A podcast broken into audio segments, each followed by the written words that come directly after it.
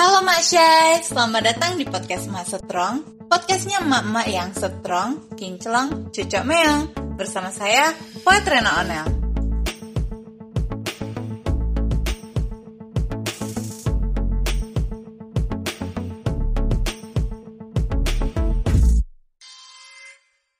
Sebelumnya kami rekomendasikan kepada Mak Syai untuk menggunakan headset saat mendengarkan podcast ini. Enjoy Mak Syai. Kembali lagi di podcast Mak Setrong, podcastnya Mak-Mak yang Setrong, Kinclong, Cucok Meong. Bersama saya Poetrena Onel. Oke Mak Syai sekalian, bagaimana eh, kabar puasanya? Udah hari keberapa nih ya? Ya, hari kesekian lah ya, karena pastinya pas saya tapping ini dan pas emak-emak dengar nggak tahu hari keberapa, ya udahlah ya. Yang penting puasa emak-emak semua lancar di tengah pandemi yang melanda kita. Nah, kali ini mau ngobrol sama salah satu founder startup yang startupnya ini unik banget karena uh, di bidang yang tidak biasa dan belum banyak dikenal orang sih sebenarnya masih kayak membangun awareness gitu. Startupnya bergerak di bidang kesehatan mental. Nah, kesehatan mentalnya aja udah jarang gitu. Maksudnya belum banyak yang aware. Jadi langsung aja lah kita ngobrol dengan Mak Strong, uh, founder dari Health ID. Saya sudah tersambung dengan Mak Gina Mardiana. Halo, Mak Gina. Halo. Apa kabar Magina? Baik, baik. Baik. Alhamdulillah. Alhamdulillah. Puasa lancar, Mak? Lancar, lancar. Lancar, alhamdulillah ya. Gimana health, Mak, di tengah pandemi ada kendala? Seperti yang kita tahu ya sekarang kayaknya dunia usaha apa namanya uh, siklus ekonomi juga berubah kan. Mm-hmm, mm-hmm. Gimana nih mm-hmm. sebagai mm-hmm. founder startup ada uh, keluhan-keluhan? Kalau Hilt sih karena memang kita online base ya, jadi uh, still going. Terus cuman memang uh, beberapa kita nggak bisa aktivasi offline gitu aja kayak kemarin-kemarin kan oh. kan kita uh, rutin bikin event gitu. Nah itu jadi nggak bisa gitu. Oke, jadi ada beberapa kegiatan offline yang tidak bisa diselenggarakan Iya, ya. iya betul. Oke, nah tadi kan ngobrolnya ya, sekarang perkenalan dulu. Aku sampai lupa ya ngenalin Mak Gina. Oke, gimana nih Mak Gina? Bisa perkenalkan dulu uh, Mak Gina ini uh, kenapa bisa uh, bukan menemukan atau ya mendirikan uh, startup Health dan bagaimana kesibukannya selama ini Mak Gina? Mungkin bisa diceritakan dulu supaya emak-emak pendengar Mak Strong bisa lebih mengenal Mak Gina secara lebih dekat. Oke, okay, uh, eh, halo, perkenalkan nama saya Gina. Jadi saya founder dan CEO dari Health ID, sebuah startup yang bergerak di bidang psikologi. Saat ini kita servicenya uh, berupa online, kita kasih counseling gitu untuk uh, users atau klien kita gitu dengan konselor ataupun psikolog yang uh, memang uh, berpartner gitu bermitra sama uh, kami gitu kurang lebih seperti itu. Awalnya kenapa bikin Healed itu udah lama sih dari uh, masih kuliah. Jadi kebetulan waktu itu ngerasa ada isus gitu ya sama diri sendiri dan cukup kesulitan pada saat itu mencari psikolog dan informasi yang proper gitu yang tepat gitu ketika saya googling untuk cari klinik psikologi itu nggak nemu informasi yang uh, cukup well informed di Google terus hmm. juga karena masih kuliah saya masih clueless gitu loh uh, karena informasi nggak cukup kan saya harus ke mana terus saya juga nggak tahu berapa biaya yang harus saya keluarkan gitu kan okay. karena ya masih kuliah belum punya uang gitu mm -hmm. karena nggak sama kayak kita pergi ke dokter gitu kan kalau ke dokter kita udah tahu gambaran biayanya udah berapa gitu kalau ke dokter okay. umum sekian ke dokter spesialis sekian ini kalau ke psikolog gimana ya ngitungnya per sesi gimana kalau misalnya saya cuma punya uang buat satu sesi ternyata tapi satu sesi itu nggak cukup buat saya gitu kayak gitu. I see, I see. gimana kalau misalnya ternyata harus ada next appointment gitu kayak gitu-gitu tuh jadi uh, pikiran saya waktu itu gitu. Nah jadi setelah sekian lama gitu ternyata ada kesempatan ketika saya ngobrol sama teman saya yang oh oke okay nih ini bisa dijalanin gitu dengan ya biar orang bisa lebih mudah mengakses bantuan psikologi gitu sih. Oke, jadi uh, latar belakangnya kurang lebih karena pengalaman pribadi ya, Mak ya. Uh, pernah iya, mengalami uh, kesulitan dalam mencari mm. uh, apa nih praktisi psikologi, ya? praktisi psikologi ya. Iya betul. Praktisi betul, psikolog uh, sehingga akhirnya ngobrol dengan teman dan mendirikan Health kurang lebih begitu ya, Mak ya. Mm -hmm. Nah, iya. Uh, kalau Mak Gina sendiri apakah ada background latar belakang pendidikan atau cuman uh, berdasarkan pengalaman tadi mendirikan oh, health oh, ini? Kebetulan aku emang nggak ada background psikologi, jadi hmm. orang-orang juga nyangkanya aku ada background psikologi, padahal enggak gitu. Backgroundku PR, public apa public relations, okay. dan uh, yang nggak ada gitu. Jadi memang backgroundnya uh, uh, beda gitu. Cuman karena memang ya kalau saya sih ngerjainnya jadinya bisnis as a platform saya provide dan professionalsnya yang memang uh, bermitra gitu sama kita gitu. Perfect. Jadi mereka yang uh, lebih tahu dan memang di Hill juga ada advisernya. Jadi kalau ada apa-apa tuh saya nanya gitu sama beliau gitu karena kan takut ya kalau yang kayak gini-gini tuh isunya sensitif gitu isunya sensitif banget mental health apalagi uh, beberapa saat lalu sempat tuh disorot ya yang yang ada psikolog jadi-jadiannya tuh jadi-jadian tahu kan Mbak iya. yang dokter psikologi ya. itu ya ampun yeah, makanya yeah, sekarang yeah, yeah. Uh, isu mental health emang uh, rada seksis sih ya diomongin maksudnya mm-hmm. uh, banyak mm-hmm. orang yang udah mulai aware dengan isu ini iya gitu. tapi orang-orang udah pada aware sih dengan ya sudah merasa penting gitu sudah mm. mau uh, spending uangnya untuk pergi ke psikolog gitu Kayak oh gitu. iya sekarang udah udah udah pada mulai aware ya untuk mm-hmm. isu ini ya oh lumayan berarti awarenessnya sudah meningkat daripada dulu pada saat Mak iya. Gina mencari psikolog ya Mhm Oke oke. Nah tadi, uh, tujuan pendirian Hilt udah ya berarti, uh, apakah ada, uh, fungsi fungsi fungsi, uh, tujuannya, tujuan untuk mendirikan Hilt selain untuk mempermudah, ada lagi kah maksud dari visi misi pendirian Hilt, Mak?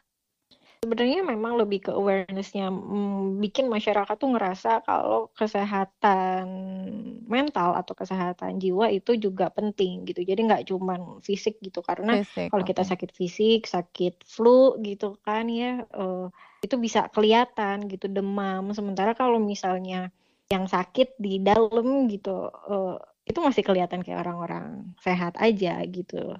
Kelihatannya kayak sehat tapi broken gitu ya, broken. Iya, padahal broken. Oke, ya ampun, fragile. Dan, dan dan itu tuh akan sangat berpengaruh sekali sama aktivitas daily kan gitu. Jadi okay. bisa jadi nggak produktif, bisa jadi hmm. kurang konsentrasi gitu, atau bah bahkan bisa jadi sangat sensitif sekali gitu. Oke, okay, jadi gitu. pengaruhnya bisa ke mana-mana ya karena mood juga kan ya, hmm. ya mak ya. Kayak iya, kemarin betul. kita ada salah satu narasumber kita yang kebetulan uh, penyintas bipolar disorder dan mm-hmm. dia ya menceritakan gitu masalah uh, kejiwaannya dia dan katanya kalau misalnya sekarang uh, memang merasa perlu untuk ke psikolog ya ke psikolog aja nggak usah malu katanya memangnya emang ada stigma ya uh, yang membuat uh, apa ya orang-orang dengan uh, mental disorder itu uh, dianggap kayak gimana gitu Memang ada stigmanya nah, ya? itu memang mungkin iya stigma di masyarakat masih menganggap bahwa yang ke psikolog adalah orang yang Gila memiliki gitu. gangguan mental dalam arti mungkin gila gitu kan uh, uh, uh. kasarnya gitu kan iya katanya enggak, tuh kayak gitu enggak, soalnya enggak dia selalu. merasanya kayak gitu gitu iya nggak selalu gangguan mental gitu uh, bahkan kalau nggak ada mas maksudnya cuman masalah pribadi let's say cuman masalah romansa aja gitu ya baru diputusin pacar apa gimana bingung mau curhat sama siapa ya kalau mau curhat sama psikolog silakan gitu kan. Oh. Kayak gitu. Tapi kalau stigma memang masih uh, negatif mostly di masyarakat. Tapi kalau untuk di kalangan uh, muda gitu sekarang orang-orang udah pada aware jadi ya, oh it's okay gitu pergi ke psikolog nggak masalah. Dan apa ya sebetulnya kan uh, yang didiagnosa itu kan ada juga yang memang dia bawaannya genetik, ada yang memang karena kondisi fisiknya juga gitu kan di neurotransmitternya dia. Jadi itu tuh nggak keadaan yang nggak bisa disalahkan gitu loh, sama aja kayak sakit fisik gitu. Dia kalau harus disembuhin ya harus disembuhin. Harus Nggak harus disembuhin ke ya. psikolog, apalagi misalnya butuh obat gitu ya, butuh medication, ya ke psikiater ya ke psikiater gitu. Nah, kalau di Health ini yang ada apa, Mak? Psikolog kah atau psikiater? Kemarin aku udah sempet ngobrol nih, Mas, soalnya sama narasumber sebelumnya yang penyintas. Dia itu awalnya dari psikolog, kemudian karena Mhm. eh, membutuhkan lebih dari konseling katanya. Jadi dia pergi ke psikiater Mhm. untuk mendapatkan medication tadi. Nah, kalau di Health ini layanannya Mhm. ada apa aja nih? Kalau di Health kita baru psikolog aja sama konselor gitu. Jadi memang ada dua gitu. Kalau konselor ini memang lebih ke teman cerita aja. Mungkin kayak tadi teman-teman yang pada baru putus cinta gitu Oke. misalnya. Itu bisa cerita sama konselor kayak temen curhat gitu kan. Kadang emang emang yang dibutuhkan sama kita itu cuman temen yang bisa mendengarkan sih gitu. Nah, Mm-mm. Ketika butuh eh, terapi gitu, terapi lebih lanjut eh, baru bisa ke psikolog gitu. Karena konselor tidak eh, tidak bisa memberikan terapi gitu kan. Gitu. Jadi Oh. hanya ada konselor sama psikolog kalau di Health untuk saat ini. Cuman ke depannya memang ada rencana untuk kita bisa kerjasama juga sama psikiater gitu. Oh, jadi untuk saat ini baru ada konselor dan psikolog ya. Kalau misalnya konselor untuk gejala-gejala ringan seperti ingin curhat ya. Iya, misalnya baru Kemudian berantem sama orang tua juga atau Oh apa pun iya lah iya iya gitu benar kan. benar benar ya. Eh, itu kadang-kadang eh, kita bingung mau cerita sama siapa ya udahlah ya cerita ke Mm-mm. Health eh, terjaga kan rahasia pribadi. Iya, iya confidential. Karena mungkin ada beberapa juga yang nggak mau cerita sama temennya kan. Aduh, masalah Mm-mm. pribadi aku males cerita sama temanku gitu. Dia tahu masalahku kan aku males gitu kayak gitu. Mm-mm, Ada bener beberapa yang banget sangat bener tertutup banget. gitu kan. Eh-eh, kalau orangnya tertutup nggak bisa cerita kan lebih baik ke psikolog aja ya toh eh, Mhm. eh, identitas diri pribadi aman kan ya mak ya. Iya, iya, iya. Mm-mm, Dan yang expertnya di eh, selain konselor tadi apa psikolog ya? Kalau psikolog itu untuk gejala-gejala seperti apa? Kenapa? Tadi kan ada konselor tuh, konselor untuk yang curhat-curhat Mhm. biasa. Kalau Mhm. psikolog ini untuk eh, gejala-gejala seperti apa nih, Mak? Sebetulnya eh, sama aja sih. Misalnya mau mau jump in langsung ke psikolog juga nggak apa-apa gitu cerita. Cuman bedanya psikolog ini dia bisa ngasih terapi. Oke, Dia berhak psikolog ngasih bisa ngasih terapi ya. terapi gitu. Jadi ngasih suggestions, ngasih itunya apa, ngasih ya ngasih saran apa yang harus dilakukan nextnya gitu. Itu jauh lebih applicable dan mereka memang ada hak untuk itu kan melakukan itu. Oke, cuman kalau untuk psikiater belum ya? Untuk psikiater kita Menuju. belum. Menuju ya, Mak ya? Oke, baik. Nah, eh, untuk Guild ini kan tadi eh, Mak Gina mem- menceritakan bahwasannya Guild ini online based ya. Nah, ini gimana nih Mm-mm. eh, curhat-curhat online? eh, jadi gimana cara bikin appointmentnya dengan Guild eh, Cara untuk bikin konsultasi online-nya? Oh, Oke, jadi kita web base, eh, teman-teman bisa akses di heal.id. Nanti di situ tinggal booking appointment, nanti ada alurnya sendiri gitu. Jadi tinggal diikutin sampai ke payment. Nanti eh, begitu selesai, terus di accept oleh konselor ataupun psikolognya, nanti akan dapat link eh, untuk phone call dan video call gitu. Phone call dan video call. Itu ada ada kategori nggak sih yang seperti apa yang Kenapa? Itu ada kategori nggak atau kita yang milih gitu mau phone call atau video call atau Nah, ada eh, sebetulnya kalau ini kalau sendiri? untuk konselor itu phone call. Oh, untuk konselor phone untuk call. uh-uh, kalau eh, psikolog itu video call karena memang psikolog kan harus ngeliat mimik wajah gitu kan, ekspresi. Jadi memang dilihat dari video juga gitu. Harus dilihat dari video karena membutuhkan mimik wajah dan lain sebagainya ya, Mak ya. Tapi ini sebenarnya Iya betul. yang offline juga ada ya, cuman karena pandemi ini offline-nya lagi tutup mungkin. Iya, iya. Sulit sih emang lagi susah ya, nggak apa-apa. Mm-mm. Tapi bisa mempermudah sih dengan phone call video call hari gini kan Mhm. Eh, nggak Iya perlu iya. bikin appointment yang, Apalagi eee, orang pergi. banyak yang pada stres gitu kan di rumah, orang-orang yang nggak Nah, iya terbiasa bener di rumah sekarang terus harus di rumah terus. Heeh, sekarang ini, eee, kayaknya banyak yang stres gitu karena kita nggak Mhm. tahu sampai kapan pandemi ini beres kan. Terus ini Mhm, iya. ini banyak nih yang curhat-curhat ke Hilt, by the way, selama pandemi. Iya iya. Oh, jadi memperbanyak ini ya?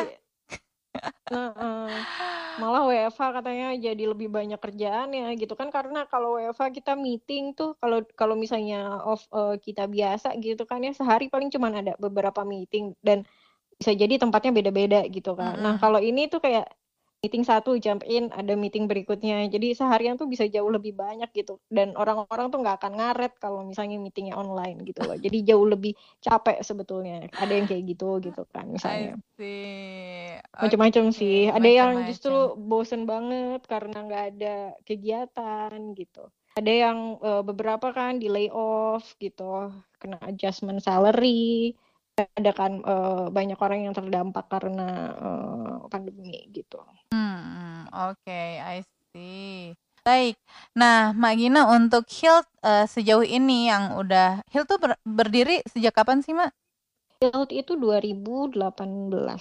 Oke, sejak 2018 sampai sekarang berarti kurang lebih 2 tahun, Mhm. sudah, eee, menerima keluhan apa aja nih? Karena aku aku, eee, nggak terlalu tahu ya bidang, eee, mental Hmm. illness gitu. Yang tahu kemarin Mhm. karena kebetulan ngobrol dengan narasumber yang bipolar dan borderline disorder. Kalau yang sejauh ini Hmm. sudah masuk ke Hilt, gangguan apa aja dan emang gangguan kesehatan mental ada apa aja sih gitu? Bisa cerita dikit nggak, Mbak? Supaya orang-orang yang nggak ngerti Mmm. kayak aku tercerahkan gitu. Jadi sebetulnya kan kayak kalau di Hilt itu confidential. Jadi untuk details, eee, rekam medis kan kita tutup gitu. Iya, Cuma memang ditutup. secara garis Ininya aja, secara garis besar kan, garis besar, eee, tiap klien ada notes gitu loh dikasih di awal kayak nge-brief dulu biar nanti si konselor sama psikolog juga tahu gitu how to treat them gitu.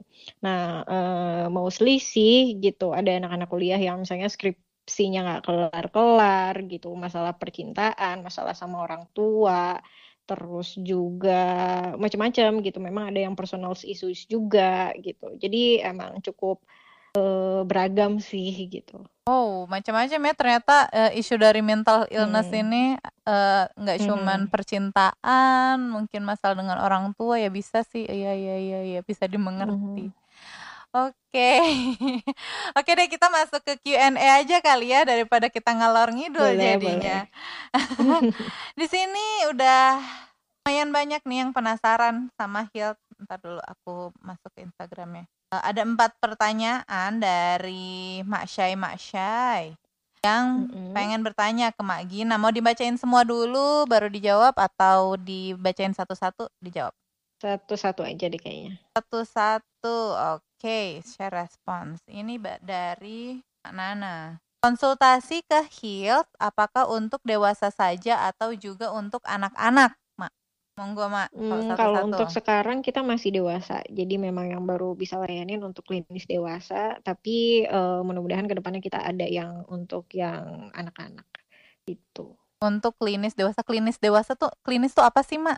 Aku kemarin ngobrol tapi Eee, kurang paham. iya jadi memang penanganannya beda kan, penanganan anak sama remaja sama penanganan yang dewasa itu berbeda gitu. Oke. Jadi heeh, ada ada ada khususnya lagi tuh gitu loh kalau di kedokteran ada ke dokter apa, dokter anak gitu ya. Ya sama gitu di sini Oh, juga iya, di I psikologi. Di kayak psikologi ada gitu. juga ya kalau misalnya kayak Mhm, dokter iya. anak dan dokter dewasa gitulah ya. Mhm mhm Oke, mhm untuk mhm. sekarang baru untuk yang dewasa aja ya berarti, Mak, ya? Untuk Mhm, anaknya belum. iya. Oke, siap. Pertanyaan kedua, ini dari Mak Gina. Apa yang harus kita lakukan untuk menjauhi toxic people? While TP TP ini mungkin toxic people kali ya. Toxic people Kenapa? tersebut Gimana? Apa yang harus kita lakukan untuk menjauhi toxic people while, Mhm. eee, toxic people tersebut adalah orang di lingkungan terdekat? Wah. Ayo, Mak, gimana nih, Mak? Mmm. Curhat ini mah. Gimana nih, Mak? Ya, oke. Uh, yang pertama ini sih kita itu kan punya kontrol atas diri sendiri. Kita cuma bisa kontrol diri sendiri, tapi kita nggak bisa kontrol orang lain gitu. Oke. Okay. Kita nggak bisa kontrol uh, uh, apa orang lain mau berbuat apa, orang lain mau berkata apa sama kita, bersikap kayak gimana gitu. Itu out of our control gitu. Jadi kalaupun mau ya uh, saya rasa sih tiap orang juga pasti ada ngehadapin yang kayak gitu gitu. Nah, hmm. Nah, itu kayaknya balik lagi ke diri sendiri gitu. How to gimana ya uh, membatasi komunikasi dengan mereka gitu untuk kita kan pasti nggak mungkin ya nggak kedengeran gitu karena kita punya telinga. Oke. Okay omongan omongannya mungkin nggak enak gitu ya. Tapi ya udah gitu kalau misalnya kita yang bisa kontrol. Jadi kalau misalnya omongannya kita masukin ke dalam hati ya otomatis jadi kepikiran gitu. Tapi kalau misalnya oh ya udah omongannya ya udah emang dia kayak gitu gitu. Hmm ya jadinya ya karena kita yang bisa ngontrol diri sendiri gitu kita nggak bisa ngontrol mereka kita nggak bisa bilangin mereka untuk nggak berlaku seperti itu gitu kan oke okay, ya I see I see jadi ya udahlah ya karena orang terdekat juga kita yang lebih bisa mengontrol diri kita jadi kita saja yang mengerti situasinya ya mak kurang hmm. lebih begitu ya iya Oke, okay, baik. Ini ada pertanyaan selanjutnya. Lumayan banyak nih ya pertanyaan ke Mak Gina. Dari Mak Ajeng, ya nggak sih? Bentar coba lihat. Oh ya, Mak Ajeng. Mak Ajeng ini banyak banget nih nanya. Strategi apa saja yang bisa dilakukan buat promote pentingnya mental health, Mak? Tadi udah agak dibahas sedikit ya. Coba mungkin ada strategi spesifik nggak nih untuk mempromosikan mental health? Bukan health-nya aja. Kalau itu sih kita kan masih on, on oh, apa ya ongoing juga gitu.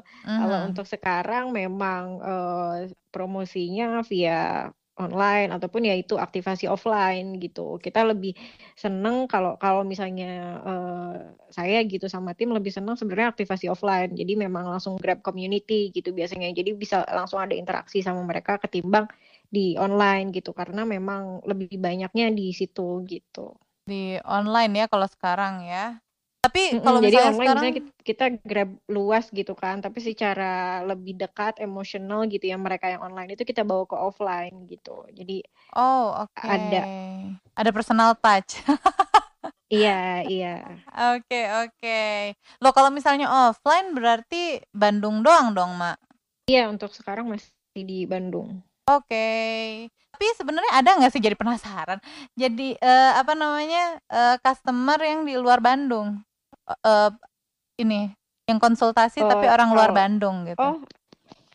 Ada ada, banyak kok. Bahkan paling jauh pernah deh dari Jerman mahasiswa Indo di sini. Eh, mahasiswa Indonesia kebetulan dia kuliah di Jerman. Curhat konsul ke ke Bandung? pernah ada, -mm. Waduh. mahasiswa Jerman ya curhatnya ke Bandung jauh-jauh. Oke, jadi iya. uh, bisa ya. Uh, mm. Maksudnya tidak terpaut jarak dan waktu, walaupun bukan orang Bandung masih bisa uh, konsultasi ke Hilt uh, via online tadi ya, Mak ya. Iya, karena kan ya kalau online sih di mana aja, kapan aja bener. orang reachable gitu ya. Mm -mm, bener banget. Ini sudah benar banget berarti Hilt memudahkan orang yang mau curhat kan. mm-hmm. Oke ini ada pertanyaan terakhir nih dari Mak Gia Anissa kalau nggak salah. Gia, Gia Ananda, sorry, Gia Ananda. Apa nih? Mm-hmm. Kalau udah berkeluarga, mana yang lebih penting, keluarga atau karir? Sebenarnya ini ada ada curhatnya sih. Intinya begitulah. Katanya dia sebut nama aja nggak apa-apa katanya. Soalnya dia punya anak anak satu masih kecil dan kerja juga, tapi anak pasti butuh orang tuanya, terutama ibunya. Nah, Kak Gina sendiri gimana tipsnya biar karir dan keluarga seimbang? Makasih ya, gitu. Enggak, Mak Gina. kalau kalau saya sih iya dibikin balance aja, tapi yang pasti yang jelas yang kalau buat saya sayanya juga harus happy gitu. Saya harus tahu apa yang bikin saya happy gitu. Misalnya dengan saya kerja tuh saya happy sehingga kalau saya happy saya pulang ke rumah gitu ya, ketemu anak gitu ya, ketemu keluarga, itu uh, vibes-nya akan akan happy. Beda sama kayak kalau misalnya uh, saya stres gitu justru hmm. nggak hmm. enak kan negatif vibes gitu loh. Jadi ya gimana caranya memang pinter-pinter aja ngebalance itu gitu karena kita nggak bisa memisahkan antara kalau buat saya sih there's no such a thing like work life balance gitu sebenarnya gitu. Karena work itu part of our life gitu. Tapi gimana memang bikin balance gitu loh. Oke, bikin gitu balance di antara keduanya ya, Mak ya, kuncinya itu ya. Mhm. Dan selain balance juga harus bikin kita happy ya, karena uh, apa yang mhm. kalau misalnya kita happy dan kita bisa membawanya ke keluarga jadi positive vibes. Kurang lebih begitu ya, Mak ya. Mhm. Iya. Oke, ada satu pertanyaan terakhir dari aku. Kenapa Mak Gina kok cantik terus sih? Oke.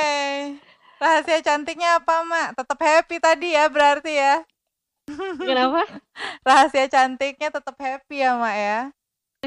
Iya harus happy. Harus happy dong. Karena menyenangkan diri sendiri itu penting. Wow, menyenangkan diri sendiri itu penting itu harus di notes tuh. Berarti kita uh, maksai maksai jangan stres, menyenangkan diri sendiri. Me time itu penting.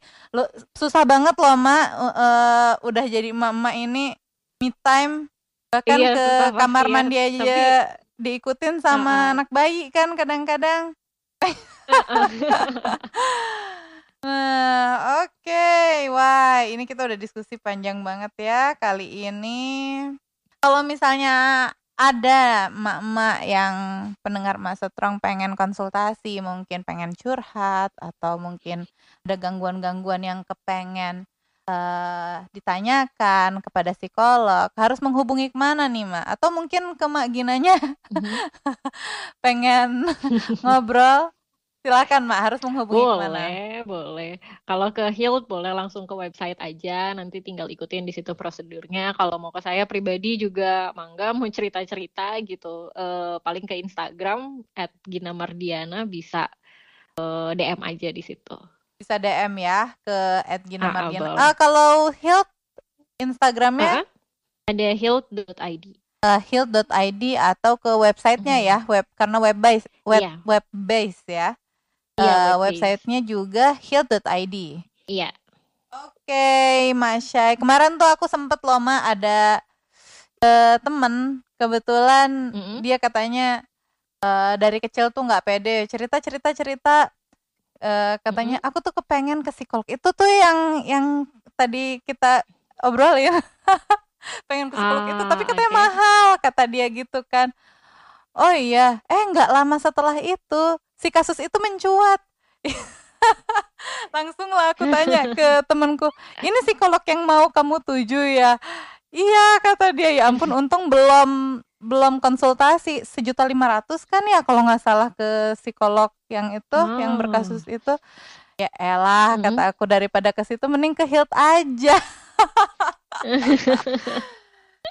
aku rekomen deh akhirnya. Oh, iya nanti dicoba katanya gitu. Jadi Mak Syai Mak Syai kalau misalnya pengen curhat carilah lembaga psikologi yang uh, benar gitu kan. Kalau iya, sekarang iya yang beneran yang, yang certified. Yang ada certified. STR itu. Ada apanya Mak? Ada surat surat kayak surat apa surat izin prakteknya oh gitu iya benar-benar. Uh, harus ada surat izin praktek. Nah itu juga kemarin yang dibahas yeah. ya surat izin prakteknya. Ini harus benar-benar mm-hmm. di apa namanya dicari di diteliti mm-hmm. kalau misalnya kita mau berkonsultasi. Oke deh, terima kasih banyak Mak Gina udah berbagi iya, bareng Mak Strong. Mudah-mudahan health semakin maju ya, semakin amin, amin. bisa uh, menyebarkan uh, mental health awareness kepada banyak orang, khususnya yang belum aware. Iya, amin. Mudah-mudahan bisa bermanfaat lah bagi orang banyak. Magina juga semakin sukses karirnya, amin, semuanya, proyek-proyeknya. Oke, terima kasih sekali lagi untuk Magina. Kita tutup iya. Ya, episode sekarang. Kita sambung lagi kapan-kapan kalau misalnya ada topik curhat lagi. Ya curhat. Siap. Curhat sama Magina boleh nih. Ya, Mak curhat sama Kenapa? Mak Gina, curhat sama Mak Gina oh, nanti iya, siapa iya, tahu boleh. kan. Oke. Okay. ya udah aku tutup ya, Mak ya. Iya. Oke, okay, terima kasih juga buat pendengar Mas Strong yang sudah setia mendengarkan podcast episode kali ini. Kita ketemu lagi di episode selanjutnya. Mudah-mudahan bermanfaat ya, Mak Syai. Uh, selamat menunaikan ibadah puasa. Mudah-mudahan puasanya lancar-lancar. Uh, dan salam strong selalu. Bye, Mak Syai. Mak Syai sekalian, makasih banyak ya udah dengerin episode podcast kali ini. Semoga episode kali ini bisa bermanfaat buat emak-emak semua. Jangan lupa share ke emak-emak lain ya. Dan tetap jadi emak-emak yang strong, kinclong, cucok meong. Bye, Mak Syai.